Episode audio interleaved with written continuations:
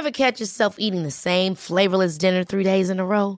Dreaming of something better? Well, HelloFresh is your guilt-free dream come true, baby. It's me, Kiki Palmer. Let's wake up those taste buds with hot, juicy pecan-crusted chicken or garlic butter shrimp scampi. Mm. Hello Fresh. Stop dreaming of all the delicious possibilities and dig in at HelloFresh.com. Let's get this dinner party started. I'm Sandra, and I'm just the professional your small business was looking for. But you didn't hire me because you didn't use LinkedIn jobs. LinkedIn has professionals you can't find anywhere else, including those who aren't actively looking for a new job but might be open to the perfect role, like me. In a given month, over 70% of LinkedIn users don't visit other leading job sites. So if you're not looking on LinkedIn, you'll miss out on great candidates like Sandra. Start hiring professionals like a professional. Post your free job on linkedin.com/people today. Quality sleep is essential. That's why the Sleep Number Smart Bed is designed for your ever-evolving sleep needs. Need a bed that's firmer or softer on either side? Helps you sleep at a comfortable temperature? Sleep Number Smart Beds let you individualize your comfort so you sleep better together. JD Power ranks Sleep Number number 1 in customer satisfaction with mattresses purchased in-store. And now, save 50% on the Sleep Number limited edition Smart Bed for a limited time. For JD Power 2023 award information, visit jdpower.com/awards. Only at a Sleep Number store or sleepnumber.com. Og det er morsomt, Jeg har en kollega som jeg siterer ofte, for han uh, sier det som jeg tror mange kjenner seg igjen i. Jeg er ikke noe glad i å trene, Ole, sier han. Men jeg er jævlig glad i å ha trent. Ja, ja, ja.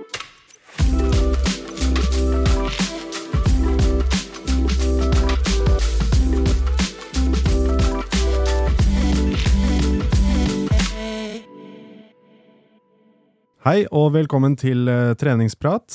Thomas Brun heter jeg, og jeg sitter her alltid med Anders Muren. Og i dag, Anders, er en veldig spennende dag. Ja, dere har jo venta på helt siden oppstarten, egentlig. Nettopp da vi startet denne podkasten, så hadde vi en ønskeliste over folk vi ville intervjue. Og på lista så er dagens gjest, og dette er ett og et halvt år siden, og i dag så er han endelig i studio. Ole Petter Gjelle, velkommen. Hei, tusen takk. Veldig uh, også kjent som treningslegen ofte. Og som jeg sa tidligere nå, det boka di, som er 'Sterk hjerne med aktiv kropp', var en av de første bøkene jeg startet da jeg skulle begynne denne reisen, treningsreisen, som jeg har vært på nå i ca. to år. Likte den veldig godt. Eh, Vi har eh, kanskje 1000 spørsmål vi ønsker å stille. Vi skal prøve å begrense det litt. Grann. Velkommen til studio. Du er Veldig hyggelig, Thomas Anders. Eh, artig at jeg sto på listen, høyt opp på listen. Det tok meg litt lang tid å komme meg hit, men jeg bor på Hamar, da, så det tar jo litt tid. Ja, men vi setter veldig veldig pris på det. Uh, vi kan jo begynne rett grann på altså treningslegen, din reise litt inn i dette her. Du er jo en litt sånn talsperson for fysisk aktivitet, mental helse, det å bruke trening som en medisin eh, for å bekjempe livsstilssykdommer og sånne ting. Bare fortell litt grann om hvordan du kom fram til liksom, treningslegen Ja, ja. og det, det du er nå. Ja, mye av dette startet vel egentlig i, uh, i barndommen. Det er jo da mye starter. Grunnlaget legges for det aller meste. Jeg er vokst opp i en familie hvor uh, dette med å være ute i naturen og fysisk aktivitet har vært veldig viktig.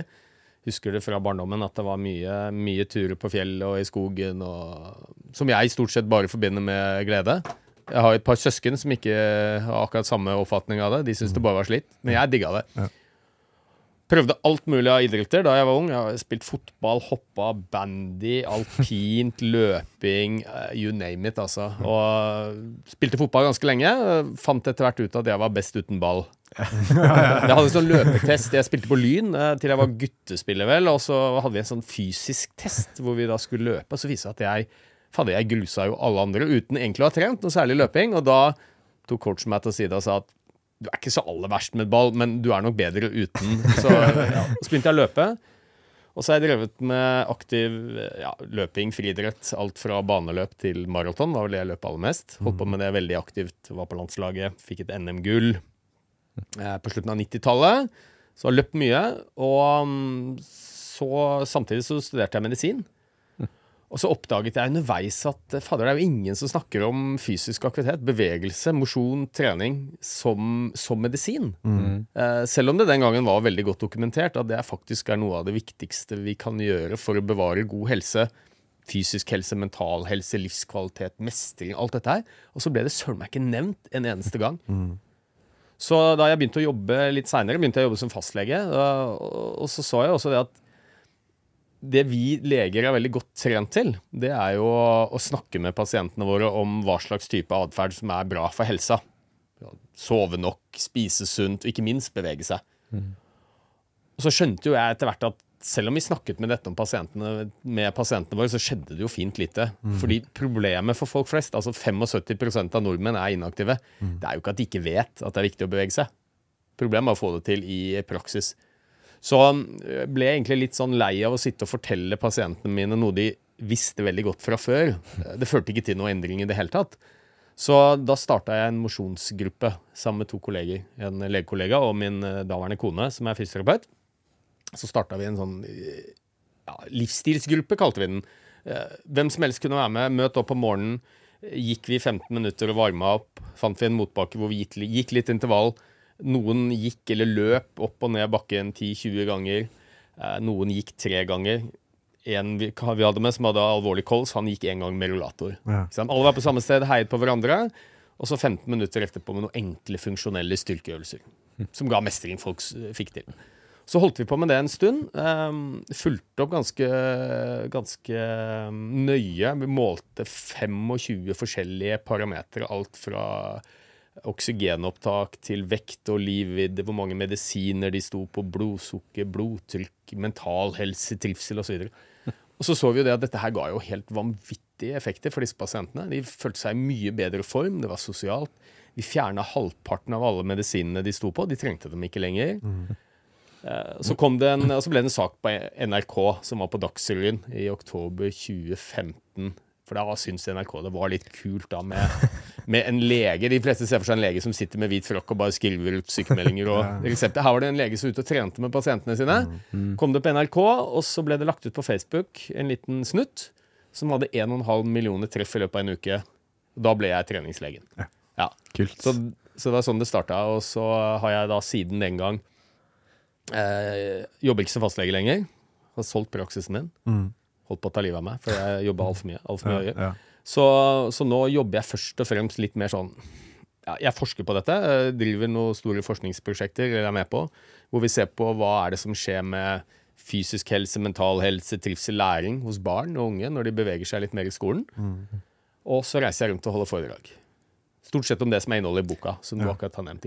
Hvilke gevinster får vi når vi beveger oss litt mer, og hvordan kan vi få til litt mer bevegelse i hverdagen? Lavterskel. Og så har jeg en podkast, skriver litt bøker og, og bruker litt tid på å trene sjøl, da.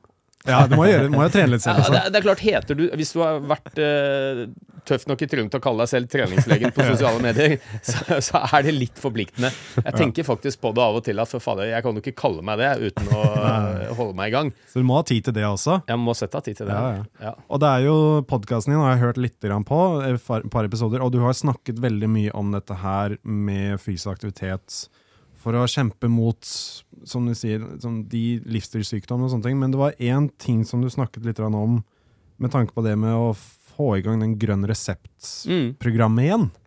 eh, Som var ganske nylig. Fortell litt om hva det er for noe. Og Ja, måte det kan jeg. Og litt, litt av bakteppet for dette Dette startet jo det som vi i dag kaller grønn resept. Det konseptet kom på banen i 2003. Da var det daværende helseminister Dagfinn Høybråten, som også er far til røykeloven. Han hadde to eh, Kall det kjepphester eller eh, ting han brant for. da. Det ene var at han ønsket at vi skulle forebygge mer i eh, helsevesenet. Og så skulle vi prøve å få folk til å slutte å røyke. Ja. Røykeloven kom jo, og den har blitt en kjempesuksess. Ja. Det andre var å prøve å få fastlegene, eller allmennleger som det het den gangen, til å forebygge litt mer. Og det er viktig, fordi av de helsekronene vi bruker i dag, og for så vidt den gang også, det er rundt 420 milliarder kroner hvert år, så er det ca. 2,6% av de som går til forebygging. Ja. 97,4% går til reparasjon. Så nesten 98 av 100 helsekroner går til å fikse ting som vi kunne ha forebygget. Altså, så jeg pleier å si, eh, litt fleipete, men litt seriøst også, at vi har egentlig ikke et helsevesen i Norge. Vi har et sykevesen. Vi leger vi sitter og venter på at folk blir syke, og så begynner vi å jobbe. Og så begynne å fikse. Nei, og Det er jo litt Ja. som å ringe brannvesenet etter at eh, huset er halvveis brent. ned, Ja. Det er mye bedre å ha en røykvarsler eller forebygge. Så um, Grønn resept var et, egentlig bare et økonomisk incitament til fastlegene, sånn at de skulle forebygge litt mer istedenfor å behandle.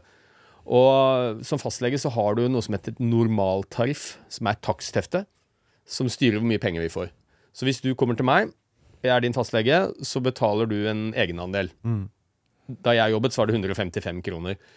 Og så får jeg i tillegg, jeg får den egenandelen rett i lomma mi eh, som fastlege. I tillegg så får jeg refusjon fra det offentlige, litt avhengig av hva jeg gjør. Ja. Og det er her denne normaltariffen kommer inn. Altså, den sa at hvis du har en pasient som lege som har høyt blodtrykk, er inaktiv, eh, høyt kolesterol, er overvekt eller fedme, og du snakker om fysisk aktivitet og kosthold, istedenfor å skrive ut en resept på et legemiddel, så får du 110 kroner ekstra. Ja. Per pasient, inntil to ganger hvert år. Ja. Og det er klart, det kan jo bli litt penger. Så, så tankene her var å gi legene et økonomisk incitament. Leger som alle andre er jo styrt av eh, økonomiske incitamenter, sånn at måten vi jobbet på ble litt mer forebyggende. Så det kom i 2004, og så har det ikke vært noe suksess Nei. kort fortalt. Eh, og jeg tror det er flere grunner til det. Man fant vel ut at uh, ca. 1-2 promille av alle legekonsultasjoner involverte grønn resept. Eh, til sammenligning så er det jo kanskje 10-15% som involverer å skrive ut en resept. En vanlig resept, ikke sant. Ja. Uh, nesten 50 av legene har aldri skrevet ut en grønn resept. Nei. Og hvorfor det er sånn? Det handler nok om litt forskjellige ting. Jeg tror en, Det handler om at uh, vi fastleger har ikke så god tid. Eh, det tror jeg alle vet. Vi har veldig mange pasienter på listen vår. Det er hektiske hverdager. Og, og det å skrive ut en resept fordi du har høyt blodtrykk, det tar ikke lang tid. altså. Pasienten er fornøyd, du oppframstår som en handlekraftig lege. Skal du begynne å snakke om livsstil, begynne å bevege deg litt mer, spise sunnere, da skal du ha god tid. Altså. Det, det er jo det også en pasient forventer å få også, når de kommer inn, kanskje. Absolutt, og det er et sånt element vi kanskje ikke snakker så mye om, men uh, dette med fysisk aktivitet og bevegelse, ja, det er veldig effektivt, men det er ikke alle som vet det, og, de færreste ser på det som en medisin. Ja. Så når jeg har pasienter med høyt blodtrykk, som vi vet er en risikofaktor for å bli syk senere i livet, og så sier jeg ok, nå har vi noen alternativer her. Vi kan jo enten f.eks. se litt på bevegelse og kosthold og alt mulig sånt, eller vi kan se på noe legemidler. Som Og det er har, har en umiddelbar virkning. Som- Umiddelbar som virkning, godt, godt dokumentert. Ja. Og da sier pasienten ja, men kosthold og sånn, jeg skjønner jo at det er viktig, men det er jo ikke noe medisin, det. Det kan da ikke være like, like bra. Så jeg jo, jo, faktisk. øh, Sannsynligvis mye bedre også, fordi det vil hjelpe på uendelig mye annet i tillegg til akkurat bare blodtrykket ditt. Men pasientene generelt ser ikke på dette som medisin. Det er fortsatt litt sånn kuriositet, det er rekreasjon. Det er ikke medisin, tenker pasienter. Så de fleste vil nok bli mer fornøyd. Om de får et legemiddel Et annet element i det er jo det psykologiske og ansvarliggjøring. Klart, Hvis jeg bare sier deg en medisin, så er du ja, du bare tar medisinen som du blir bedt om. Det, det krever ikke så mye av deg. Men det krever ganske mye av deg hvis du skal endre livsstil. Begynne å bevege deg tre ganger i uka, som du ikke har gjort siden Ålesund brant.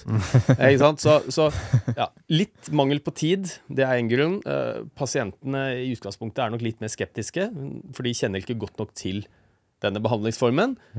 Og så tror jeg ikke vi skal stikke under en stol, for dette er det jo ingen leger som har lyst til å innrømme, men vi kan ikke nok om dette. Ja. Altså, det er et verktøy vi ikke har i verktøykassa. Vi har ikke lært det på studiet. Så de legene som føler seg komfortable kanskje med å forskrive fysisk aktivitet til pasientene sine, det er de som er litt evangelister. Som driver med dette sjøl. Som er opptatt av det, og som har lært litt på egen hånd. Og litt tatt noen personlig kurs. erfaring rundt. Veldig? Ja. Selvfølgelig er det det. Um, men det viktigste tror jeg er rett og slett at snakk alene endrer ikke atferd. Ja, igjen, det, jeg tror ikke det finnes en pasient i Norge blant de som er inaktive, som ikke vet at det er viktig å bevege seg. Så jeg skjønte da at det kanskje den nye reformen vil involvere da en veileder på en Ja, eller annen måte, en PT så- eller coach eller noe sånt? Helt riktig. Så um, det som har skjedd da, er jo at uh, Stortinget har nå tatt tak i dette og sett at vet du hva, fastlegene vi forebygger veldig lite, det må vi gjøre noe med. Vi har enorme kostnader som kommer fordi vi er inaktive, vi har fedme, vi blir eldre. Kroniske sykdommer som kan forebygges. Så um, Stortinget har nå bedt regjeringen om å utrede noen nye modeller. Kan vi lage en ny type grønn resept som funker bedre enn den gamle? Uh, og um, i føringene som ligger der, så blir regjeringen bedt om å se på muligheten for veiledet fysisk aktivitet. Altså at vi fastleger kan henvise pasientene våre til veiledet fysisk aktivitet. Eh, Det kan f.eks. være hos en eh, helseveileder, det kan være en helse- og treningsfysiolog, det kan være en PT, kanskje med ekstra i sideutdanning, kan være en sykepleier, fysioterapeut. Ja, veldig mange forskjellige grupper da, som kan veilede pasientene, og på mange forskjellige arenaer. Det kan være på et treningssenter, men det kan også være en gågruppe lokalt, eller et pusterom på et sykehus, eller you name it. Frisklivssentral, ikke minst. Så, så det vi jobber med nå eh, Jeg er med bl.a. En, eh, i en gruppe med Able, som er et eh, teknologiselskap. Som har en app hvor du kan følge opp uh, pasienter på kosthold og livsstilsendring. Og så er det Norges idrettshøgskole, Høgskolen Kristiania og Høgskolen Innlandet som har et forskningsprosjekt da, hvor vi, vi skal se på i hvilken grad vil eh, pasientene klare å endre atferd når de blir veiledet, versus det å bare få informasjon. Merker jo det veldig godt da, i forhold til eh, ekstremt mange av eh, dem jeg har coacha, som i hvert fall er jo veldig overvektige. Ja. Og den, ha den ansvarliggjøringa, ha, ha med seg noen i ryggen på den reisa si, det gjør noe helt Ja, annet ja. eierskap til plan, til å komme seg ut, til å gjøre det man skal gjøre, da, og rapportere inn, til å følge opp. Hele, hele pakka der bare, det blir noe helt annet enn hva man som skulle kaste seg ut på det sjøl. Så den reisa mi besto av at jeg bare gjorde det sjøl når jeg var yngre. Og ser jeg tilbake på det, så jeg skulle ønske at jeg har hatt med meg noen på det. Så har jeg kanskje, i stedet for gått i alle mulige fallgroper som jeg har gjort, da, så tror jeg jeg kanskje unngått dem. da, Kanskje hadde en litt mer smidig og komfortabel reise. da. Men igjen, så ja, jeg er jo glad for min egen reise sånn sett, men jeg tror den lærdommen man får av å ha en person i ryggen, tror jeg bare er ekstremt mye nytte og stor verdi. Ja, veldig. Og det ser vi. Vi, eh, vi har gjort et lite pilotprosjekt uh, før vi begynner dette store prosjektet. uh, hvor vi ser det at uh, det var noe 80 pasienter med fedme som er fulgt opp. Eh, noen av dem har bare blitt gitt informasjon om livsstilsendring, sånn som vi vanligvis gjør.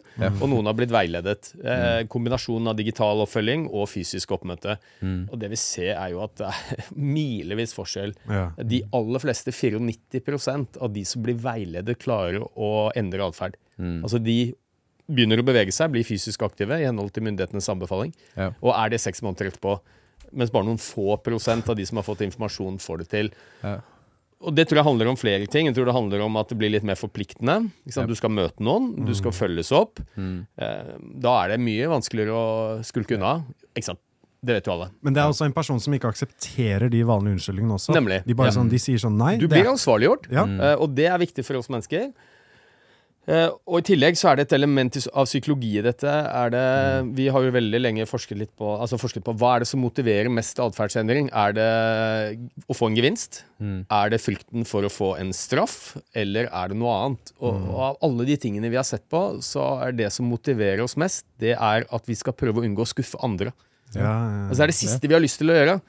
Ikke sant? Og det, det er klart det, Hvis du har et, en relasjon til en PT eller en helseveileder som følger deg opp, og de blir litt involvert i din reise, så har ikke vi som pasienter vi, altså, Nei, jeg har ikke lyst til å skuffe coachen min. Sant. Ikke sant? Så det er også en veldig motiverende faktor. Så um, Nei da, og, og så viser det seg i disse pilotstudiene at det, det spiller veldig liten rolle eh, hvor mye av oppfølgingen som er digital, og hvor mye som er fysisk. Og det har litt å si for kostnadsbildet her. For vi prøver jo å finne en modell som er bærekraftig økonomisk, sånn at uh, For det er litt sånn, jeg som fastlege, jeg kan henvise mine pasienter til spesialisthelsetjenesten uten at pasientene mine betaler mer enn en liten egenandel.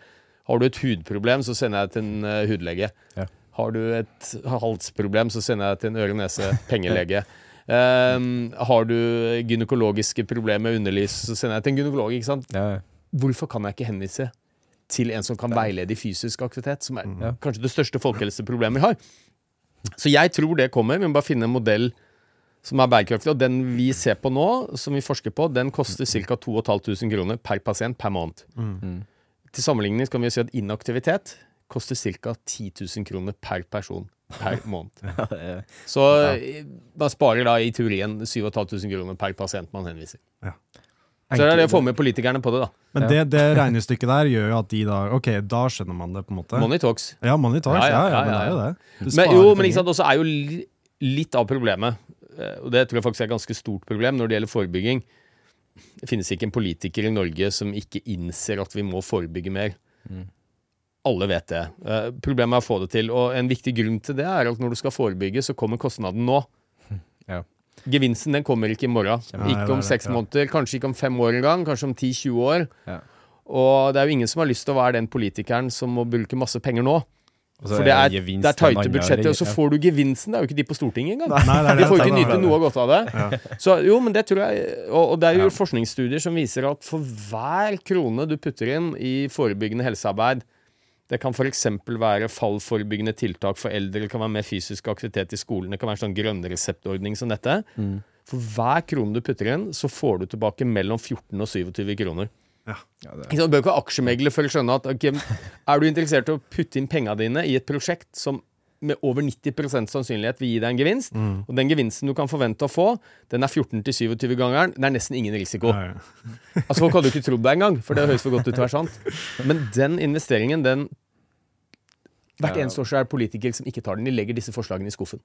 helt Ja, det er helt uh, man, er, man blir jo frustrert av å bare høre det her. Ja, man blir litt provosert òg. Det viser jo litt den egosentriske tankegangen da, som sitter der. da, at uh, Sjåføren som har tatt, gjort det tiltaket for 20 år siden, da, og så nå har det gått 20 år. og så, ok, så, så mye gevinster man har sittet med, da, hele Norge samla sett, men kanskje ikke det partiet som Ja, ja. ja. Og, og, du kan jo dra det litt lenger også og si at eh, ikke bare er det uklokt eh, å ikke ta disse investeringene, men det er økonomisk neglekt. Fordi at hvis du ikke tar dem, så kommer det voldsomme kostnader eh, de neste 10-20-30 årene. Ja. Og, og jeg pleier å og så handler det jo ikke om at vi ikke har fornuftige og dyktige politikere i Norge, for det, det mener jeg jo virkelig at vi har. Og hvis du ser på covid da, som et eksempel, eh, så viser det jo hvor handlekraftige politikerne våre er også, og hvor enige de kan være når det brenner Ja, på dass. Ja. Mm. For når det brenner på dass, da er vi villige til å gjøre hva som helst. Da covid kom, så var det full politisk enighet om at vi skal bruke det vi må av penger. Altså Det var ingen begrensning, nesten. Vi har brukt hundrevis av milliarder kroner for å bekjempe spre eller stoppe spredningen av viruset, gi økonomiske tiltakspakker osv. Og det har ikke vært en politiker som har vært uenig. Ikke sant? Så når det brenner på dass, da er vi villige til å putte inn alt det vi trenger av penger, men da ser vi resultatene med en gang òg. Og sannsynligvis har det vært en god uh, avgjørelse, iallfall for helsa til nordmenn.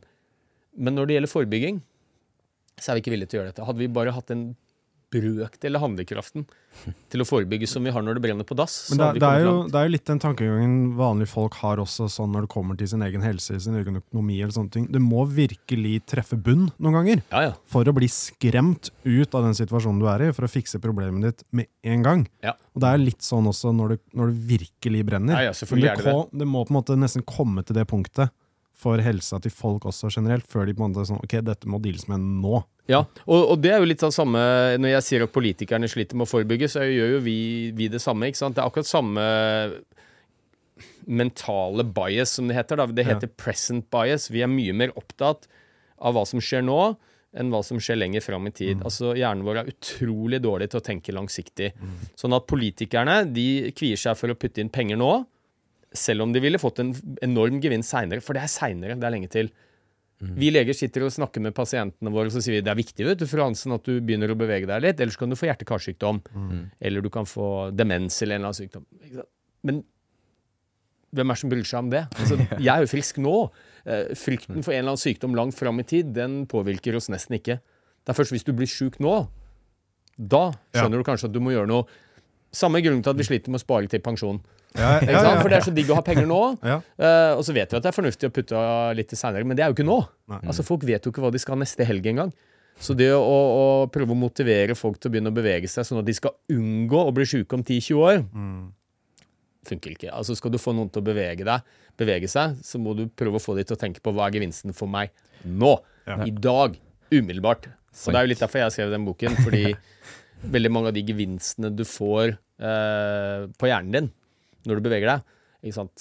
Bevegelsesglede, humør, mm. bedre hukommelse Alt dette det kommer med en gang. Det kommer noen sekunder etter du har begynt å bevege deg. Du, du behøver ikke å vente tre år på at blodtrykket skal gå ned. Men det er også bare den der mestringsfølelsen du får av å gjøre noe som er litt vanskelig. Den skjer jo med en gang etter du har kommet ut av treningsstudio. Det er, sånn, det er veldig sjelden jeg går ut av en treningsøkt og føler meg verre enn da jeg begynte. Nei, ikke sant? Alle føler seg bedre. Ja, ja. Jeg- Og jeg, jeg føler meg alltid skikkelig dritt hvis jeg dropper en økt. Ja. Hvis du skjønner. Da føler jeg meg ja, dårlig, for det er dårlig samvittighet. Men hvis jeg har gjort en økt, bare, sånn, uansett om den var bra eller dårlig, så er den gjort. Og da får du den mestringsfølelsen med en gang. Men den er veldig vanskelig, som du sier, som bare det er sånn Du, du, du må vente to timer da, Ja, før den følelsen kommer. Ja, ja. Men jeg vil ha den nå, Ja. uten å ha gjort jobben. på en måte. Og det er morsomt, jeg har en kollega som jeg siterer ofte, for han uh, sier det som jeg tror mange kjenner seg igjen i. Jeg er ikke noe glad i å trene, Ole, sier han. Men jeg er jævlig glad i å ha trent. Ja, ja, ja, ja. Ja, det, ja. Ja, da pleier jeg å si det til folk. da, altså Tenk på hvordan dette kommer til å føles en når du kommer i gang, og ikke minst etterpå. Ja, ja. Sier til Når jeg trener med folk, så sier jeg du, den følelsen du har nå Nå er du akkurat ferdig med en knallhard økt. Du er dritsliten, men du er bare fylt med eufori. ikke sant, Alle disse kjemiske stoffene som skilles ut. Neste gang du sliter med å komme deg opp av senga på morgenen, prøv å tenke hvordan du har det nå. Dette er gevinsten din. Så, eh, så, så tror jeg vi må anerkjenne at for mange så er det så er det litt tungt å komme seg i aktivitet. Og jeg, og jeg skriver litt om det i boka der, at den der dørstokkmila, eh, som alle kjenner til, jeg kaller den den late hjernen. Altså, den er høyst reell. Vi har gjennom tre millioner år eh, med evolusjon utviklet en hjerne som er laget for å få oss til å bevege oss når vi må, og være late når vi kan. Ikke sant? Det, det har vært livreddende det er gjennom 99% av vår eksistens. Eh, Det er veldig uhensiktsmessig i dag, for i dag så trenger vi ikke bevege oss. Vi kjøper maten på butikken, og eneste naturlige fienden vi har, i kjøleskapet. Eh, Men allikevel så er hjernen vår lat, for den har ikke utviklet seg noe særlig siden den gang. Så eh, Men det var det jeg likte veldig godt da jeg leste den, for jeg skjønte da veldig fort at ok, hvis du føler deg lat en dag, så er det på en måte ikke noe gærent med det. du er helt normal. Du er helt normal. Det er den normale uh, delen av deg. Og den unormale delen er at du må opp og tvinge deg ut hvis det ikke er noe liv som står i fare. Nemlig. Fordi du trenger ikke å gå rundt og sulte. Du kan bestille mat rett på døra, men hvis du, du må komme til det punktet hvor du har ikke noe valg. Ja. Og det var jo sånn det var før. Ja, ja. Vi hadde ikke noe valg. Nei, nei. Du måtte ut og finne mat, og det kunne ta flere timer, flere dager noen ganger. Uh, Så det er på en måte det, det er ikke noe gærent med deg hvis du ikke har lyst til å trene. Det er liksom det normale. Ja, det det, og det sier jeg til folk. Hvis du, når du kommer hjem fra jobb etter en lang dag og er sliten, så vet du at det er bra bevege deg, jogge deg en tur, sykle deg en tur, gå en tur med bikkja, men så bare ender du opp med å bli sugd inn i sofaen Ja. med en potetgullpose og et glass vin, så er du Ja. helt normal. Ja. Det unormale er faktisk å være motivert til å gå ut og bevege seg uten mål og mening. Ja. Altså uten å skulle jakte på mat eller flykte fra en fiende. Det er Ja, det vi er laget for. Så uh, poenget mitt er at det krever i dagens samfunn, som er tilrettelagt for inaktivitet Vi trenger ikke å bevege oss nesten ikke en meter hvis vi ikke må eller vil. Uh, og i tillegg har denne late hjernen, så, um, så er det forståelig at det er så mange som sliter med å få nok bevegelse.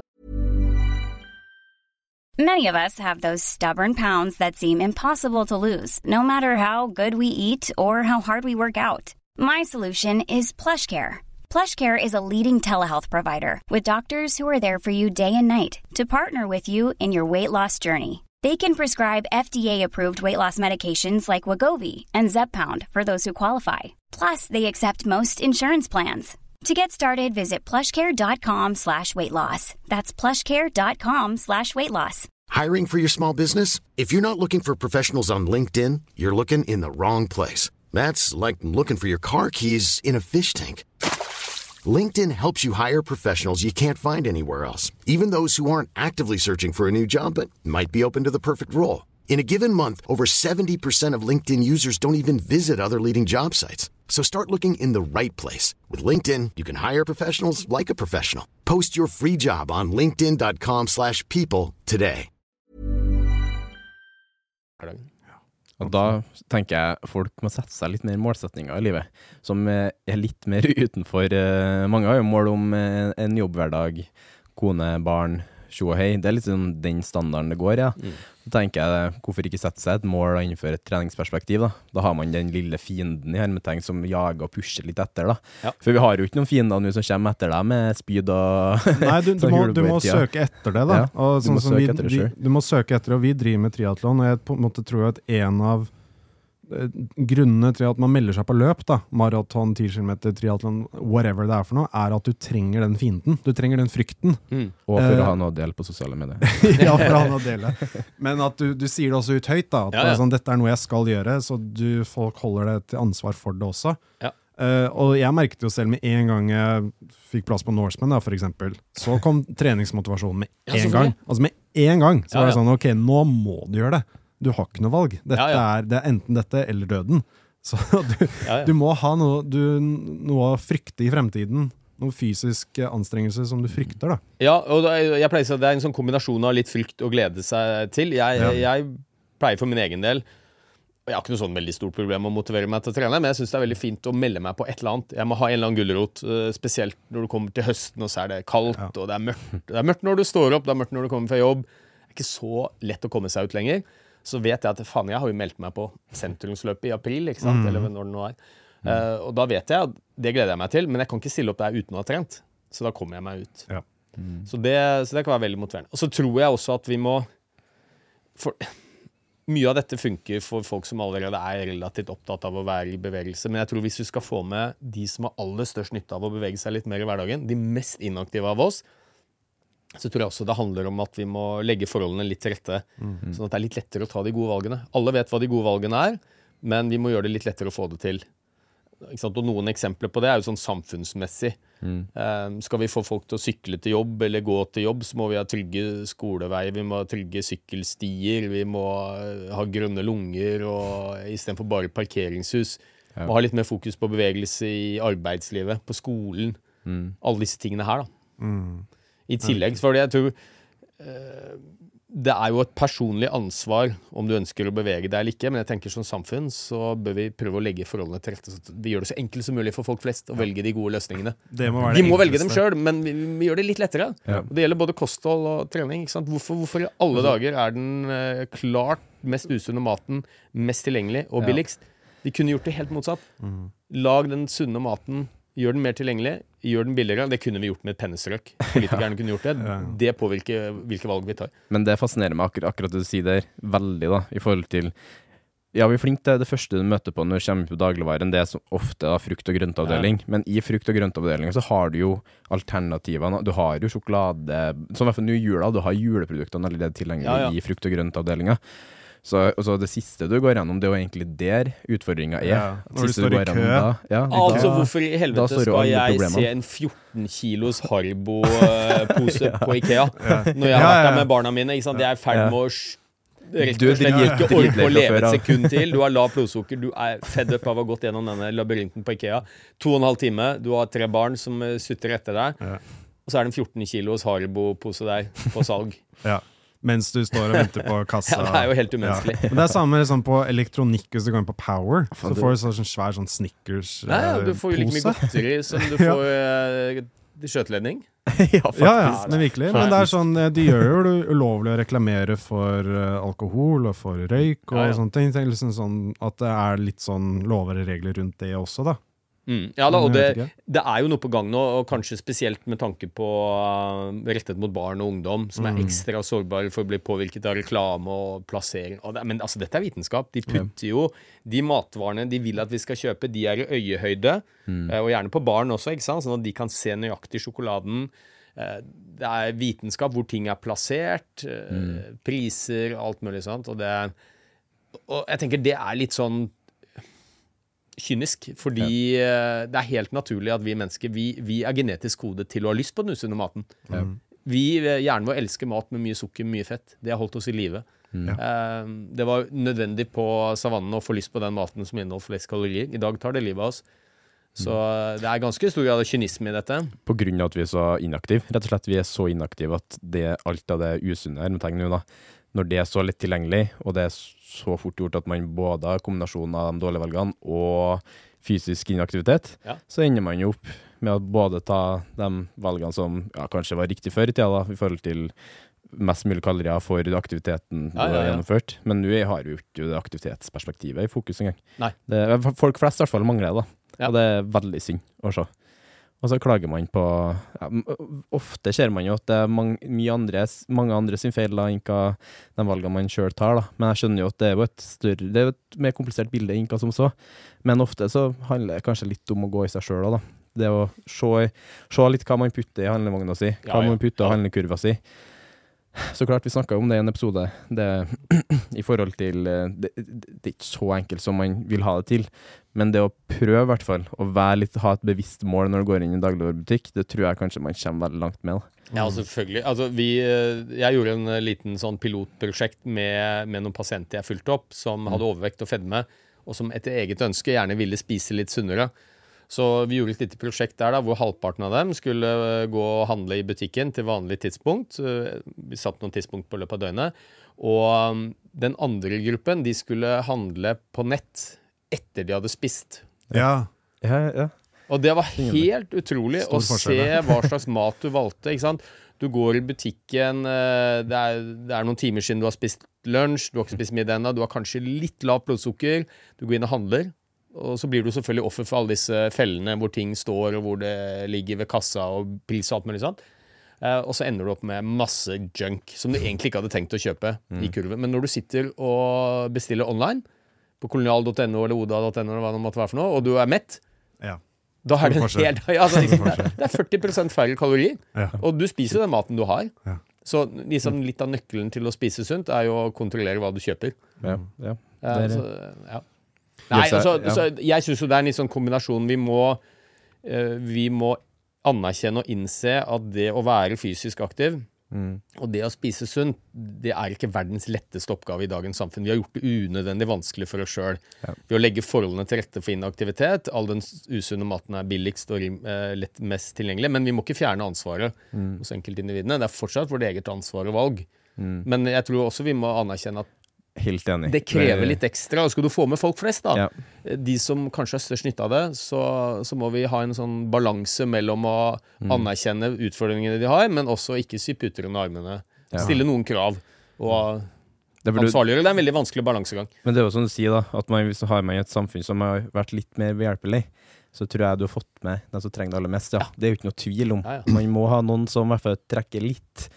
Og da, når man trekker litt, så får man den fine ketsjup-effekten. Da kommer det Ja, ja. litt, litt, Ja, ja. litt mer gode valg, da. Ja. Ja, det tror jeg er en fin sånn konklusjon. Og så har jeg også et tema som jeg har litt lyst til å snakke med deg om, som det var et, eh, et eh, kapittel i boka om også. Og det er den det dopaminrushet som kommer på en måte Med en gang du spiser litt sukker, da, så Mm. får du en sånn gladfølelse. Sjokolade da, er jo Ja, ja. en av de tingene som vi, vi blir lykkelige av. Yes. eh, blant andre ting også. Og sånn trøstespising Det handler veldig mye om følelser, og Mm. den mentale uh, helsen også. Ja. Og jeg har prøvd veldig lenge, men jeg har ikke klart å putte ord på det og forklare Det kommer litt basert på egne erfaringer også om det med depresjon og bekjemping av depresjon. Mm. Og det å forhindre depresjon. Mm. Fordi alle har på en måte depressive perioder, og det kan liksom vi alle i rommet si at vi har hatt, men hvordan fysisk aktivitet og godt kosthold og sånne ting kan hjelpe mot det. At det er på en måte ikke noe eh, negativt. Eh, du har ikke noe negativ på en måte eh, side effects, da, bivirkninger, hvis du har en depressiv periode. Mm. Det å komme deg ut av det, da. Men jeg har liksom aldri klart å ha det faglige språket til å forklare det til andre. Ja, altså Du tenker på hvordan fysisk aktivitet kan brukes som behandling Ja. når du møter disse periodene? Ja. Mm. Hvis du forteller litt om det, så du hadde ett kapittel i boka, var Ja, det bare ja. noen studier og sånn som, som hvor, Ja, du, jeg kan godt fortelle litt om det, så kan jeg ta en eh, litt sånn eh, hva vi vet eh, forskningsmessig, men også litt sånn personlig og privat erfaring fra det også, som kan understreke det litt. Det er vel kanskje den, eh, det området hvor det er forsket aller mest, hvor det er best dokumentasjon. Altså hvis vi snakker om fysisk aktivitet og trening som medisin, så er det vel kanskje ved mentale lidelser vi, vi ser den klart beste effekten. Eh, Og det ene er jo, og det er ekstremt effektivt, det er jo å, å bruke fysisk aktivitet for å forebygge. Og der er det noen studier som tyder på at hvis du klarer å få til altså bare én mosjonsøkt i uka, kan halvere sannsynligheten for å utvikle en depresjon i løpet av et livsløp. Det er jo helt utrolig. Og det er den store Hunt-studien oppe i Nord-Trøndelag eh, som, eh, som viser det. Noe annet er jo at du kan bruke fysisk aktivitet som et verktøy som akuttbehandling når du møter vanskelige perioder. Og det er ikke nødvendigvis sånn at du må være deprimert, men hvis du la oss si at du har fått en depresjonsdiagnose, da, eh, så deler vi jo gjerne de inn i lett, moderat og alvorlig. 80-90% av de depresjonene vi møter hos folk flest, det er lett til moderat. Eh, Og der ser vi at f.eks. tre ganger i uka med fysisk aktivitet halvtime hver gang, så du blir litt svett og andpusten, uavhengig av hva du gjør, eh, er vel så effektivt for å bremse symptomene som de beste legemidlene vi har på markedet. Ja. Og, og følger du opp disse pasientene etter to-tre år, så er det bedre langtidseffekt. Bedre enn legemidler. Så treninger trumfer faktisk de beste legemidlene vi har. Og så bruker vi det nesten ikke. Um, og så er spørsmålet hvorfor funker det.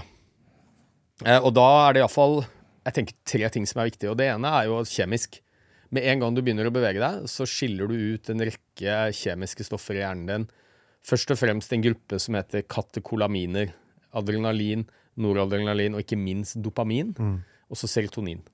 Eh, og, og disse eh, kjemiske stoffene er med på å stabilisere miljøet vårt. Nei, eh, ikke miljø, humøret vårt. Ja. Dopamin løfter humøret. Um, serotonin er med på, også på å stabilisere humør, søvn osv. Så, videre. uh, så det er én forklaring. Og dette er mange av de samme kjemiske stoffene som skilles ut når du tar lykkepillen. Ja. Eller SSRI, da, eller antidepressiva, som, ja. som det heter. I tillegg så viser det seg at det er et annet kjemisk stoff som, heter, som jeg har skrevet litt om i boka, som heter BDNF.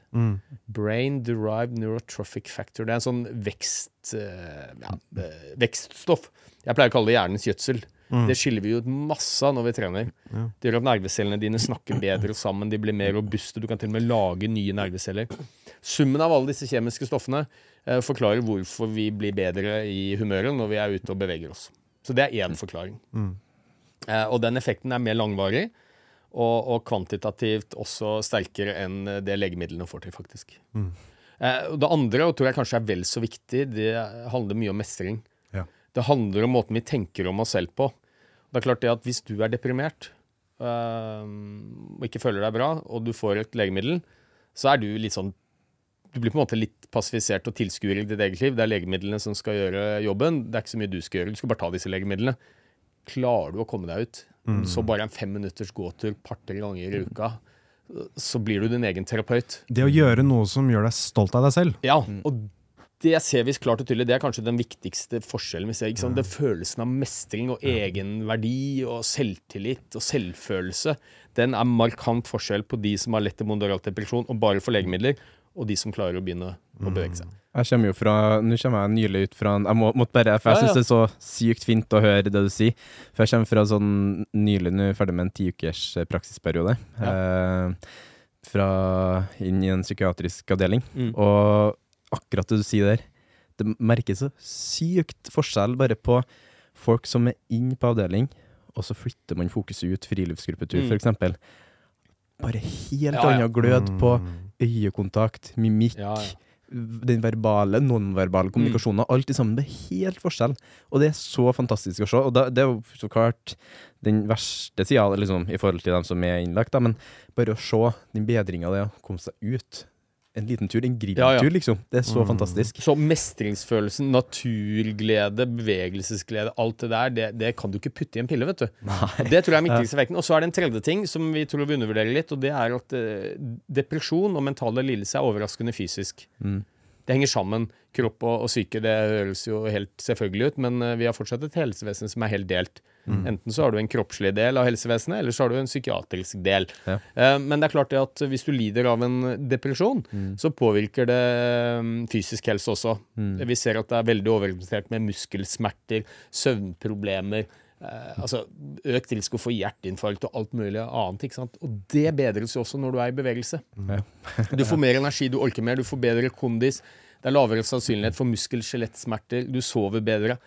Så, så summen av alt dette gjør jo at dette blir veldig effektivt. Mm. Så er jo litt av problemet at øhm, Eller et, et paradoks er jo at pasienter med dårlig mental helse, kanskje først og fremst deprimerte, det er kanskje den pasientgruppen som har best effekt av å bevege seg litt mer i hverdagen. Men det er også de som har vanskeligst for å komme seg i aktivitet, for de har den lengste dørstokkmila. Ja. Og jeg har jo pasienter som er dypt deprimerte, og de vet, og jeg vet, at det å bevege seg litt, det ville gjort underverket for dem. Men som en pasient sa, du kan ikke begynne å snakke med meg om fire ganger fire intervall. Jeg vet at det er bra, altså, Ja. men jeg orker jo ikke å komme opp av senga om morgenen engang. Mm. Så da må du legge lista ekstremt lavt. Bare komme seg ut. Og for meg så har dette, hvis jeg får lov å være litt personlig, så for meg har dette bare vært et sånt Jeg har kunnet ganske mye om dette på et akademisk og faglig nivå, men jeg har ikke kjent, kjent på det sjøl. Jeg har aldri vært deprimert en dag i mitt liv.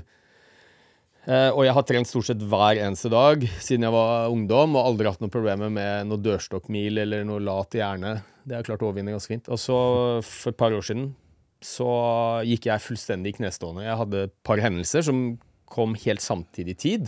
Fryktelig traumatisk og vanskelig sak på jobben, hvor jeg ble anklaget av en kollega. Eh, ble anmeldt til Fylkesmannen, het det vel den gangen, eller Fylkeslegen. For han mente jeg hadde ja, skrevet ut for mye medisiner og, og forsømt pasientene mine. og Lang historie. Det var en, hevn, det var en hevnaksjon eh, for noe som hadde hendt litt tidligere, som han var uenig i. Eh, som jeg trodde vi var ferdig med for lenge siden. Men uansett, eh, jeg ble meldt til fylkeslegen.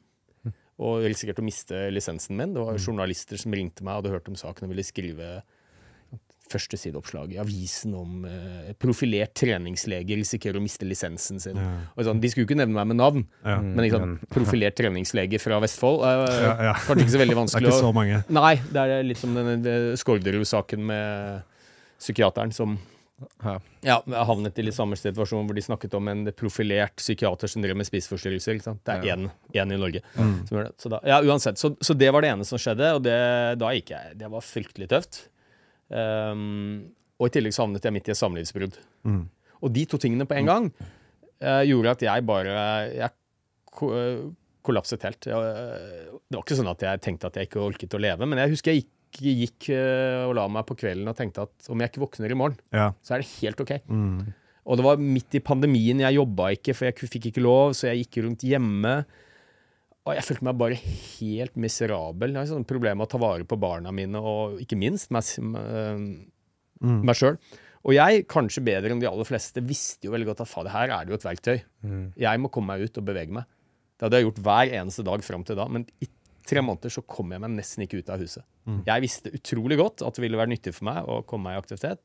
Det verktøyet visste jeg var der, men jeg fant det ikke.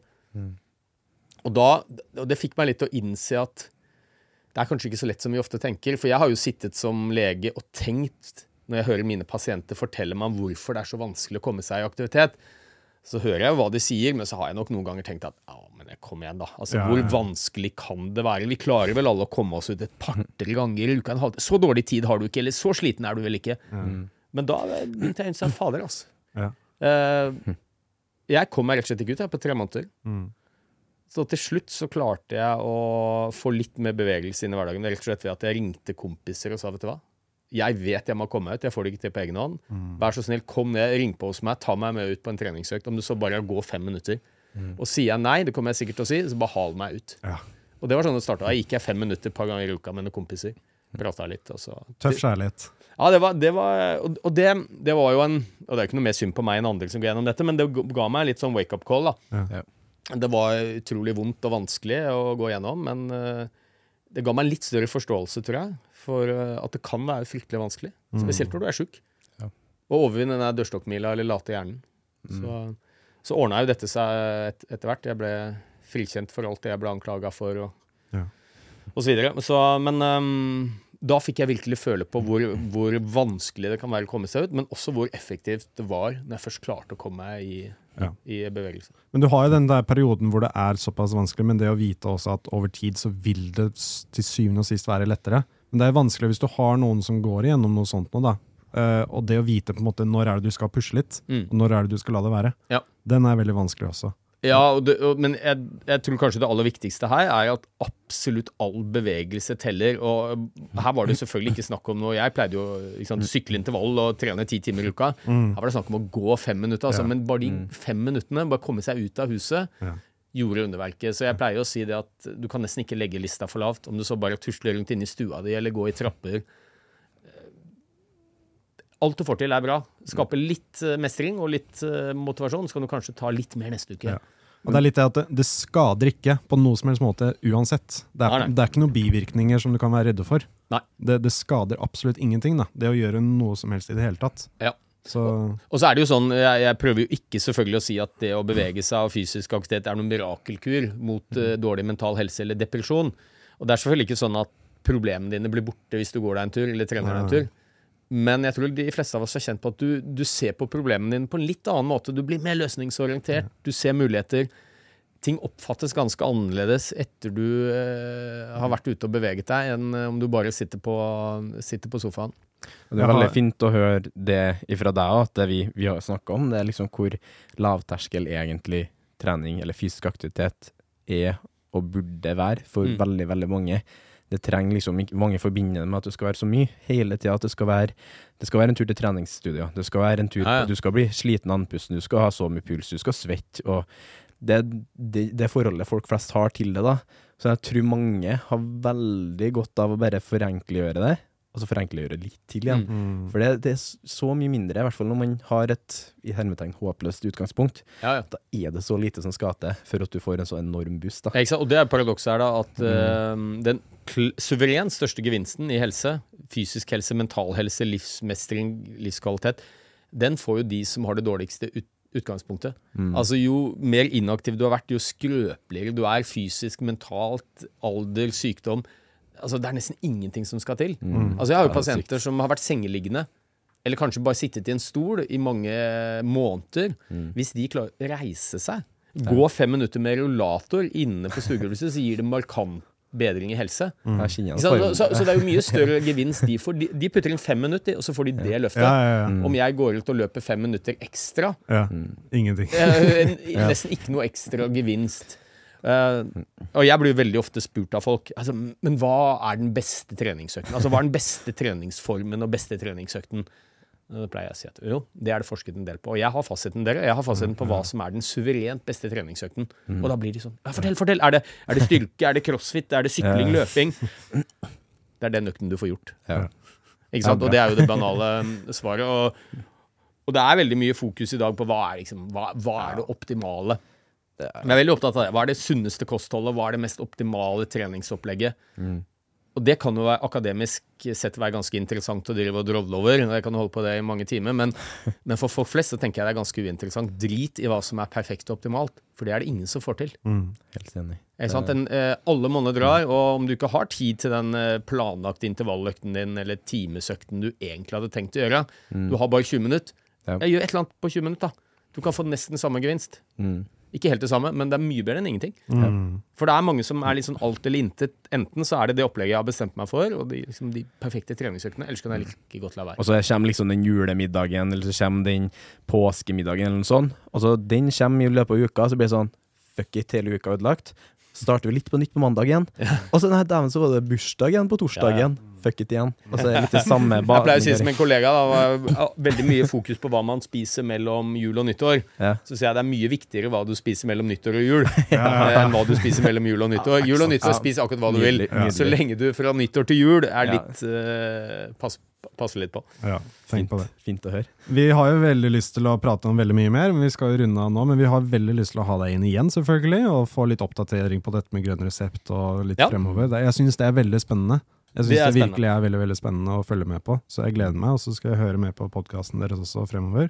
Jeg syns det er veldig veldig kult det dere legger ut, og det dere gjør.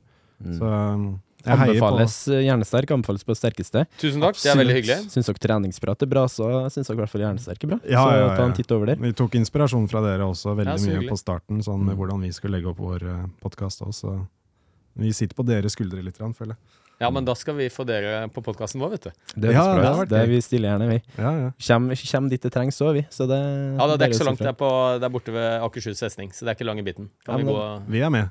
Gå, ta en liten tur. En liten joggetur. Litt Ja, ja, en liten joggetur. Men herregud, tusen takk for praten. Det er virkelig. Det, Mm. Nei, det er virkelig fint å få prata med deg. Og det blir ikke siste gang jeg maser på det. For å Du er sånn. veldig hyggelig, og det er jo litt Det er bare å putte på en femkrone. Det syns vi er gøy. Ja, det er Så det er fint å snakke med folk som er opptatt av det samme. Perfekt podkast. Veldig, veldig bra. Ok, takk for nå. Takk for og nå. så ses vi neste uke. Det gjør vi, som alltid. Yes. Ha det bra. Ha det bra.